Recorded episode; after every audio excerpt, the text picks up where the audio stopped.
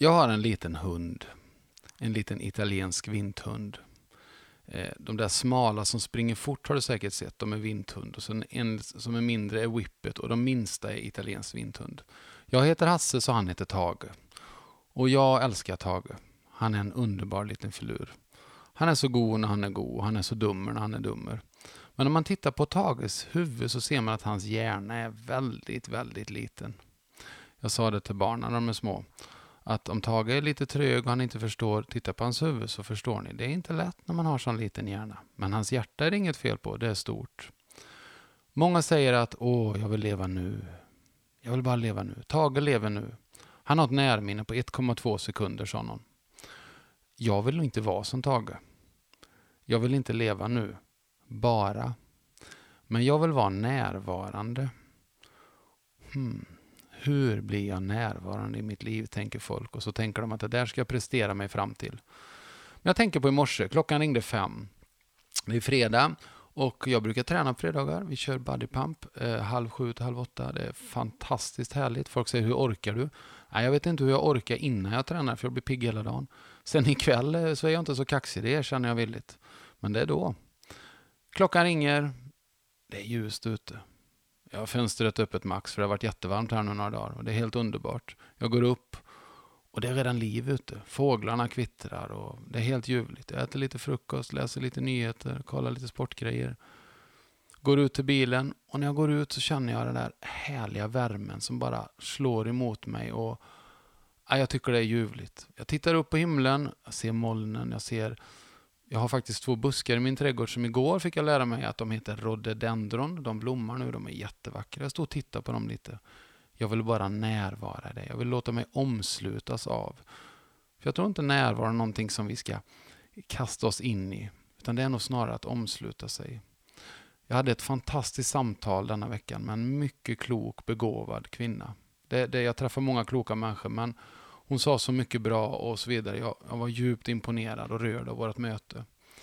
Men hon konstaterade en sak, att hon vill vara mer närvarande i livet. Och det var ett ord som vi, vi kom tillbaka hela tiden i vårt samtal och det var att, att vara tillfreds.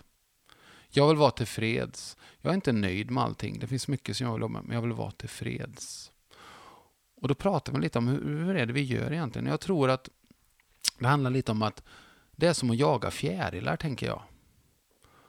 Om du ska jaga fjärilar, om vi säger att du inte har en hov, hur gör du då? Ja, du, du kommer springa runt och fäkta och hoppa. Det är rätt kört.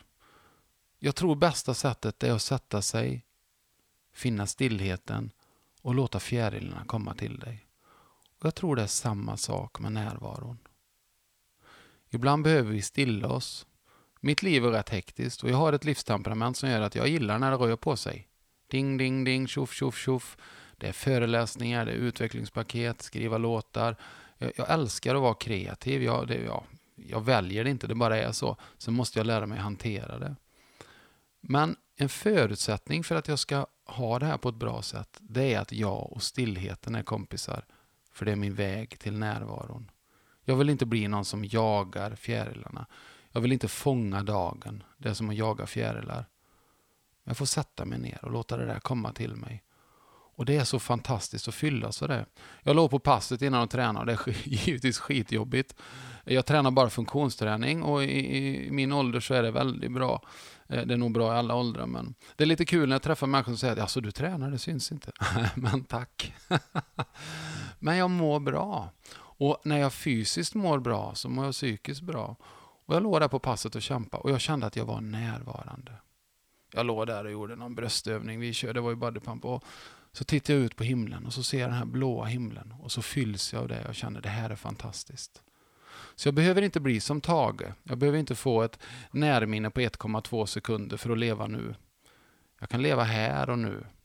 Men jag kan vara närvarande. Och Jag har alltid något att se fram emot. Jag har många goda minnen. Men närvaron nu, den är faktiskt fantastisk. På vilket sätt är du närvarande i ditt liv? Jag är ju närvarande på ett sätt med mina döttrar. På ett sätt med mina talanger och på ett annat sätt med människan jag möter. Och jag tror att varje situation och varje perspektiv i ditt liv behöver sin närvaro. Och egentligen så är det ju fantastiskt. Jag önskar dig en närvarande dag, så hörs vi igen. Ha det bra.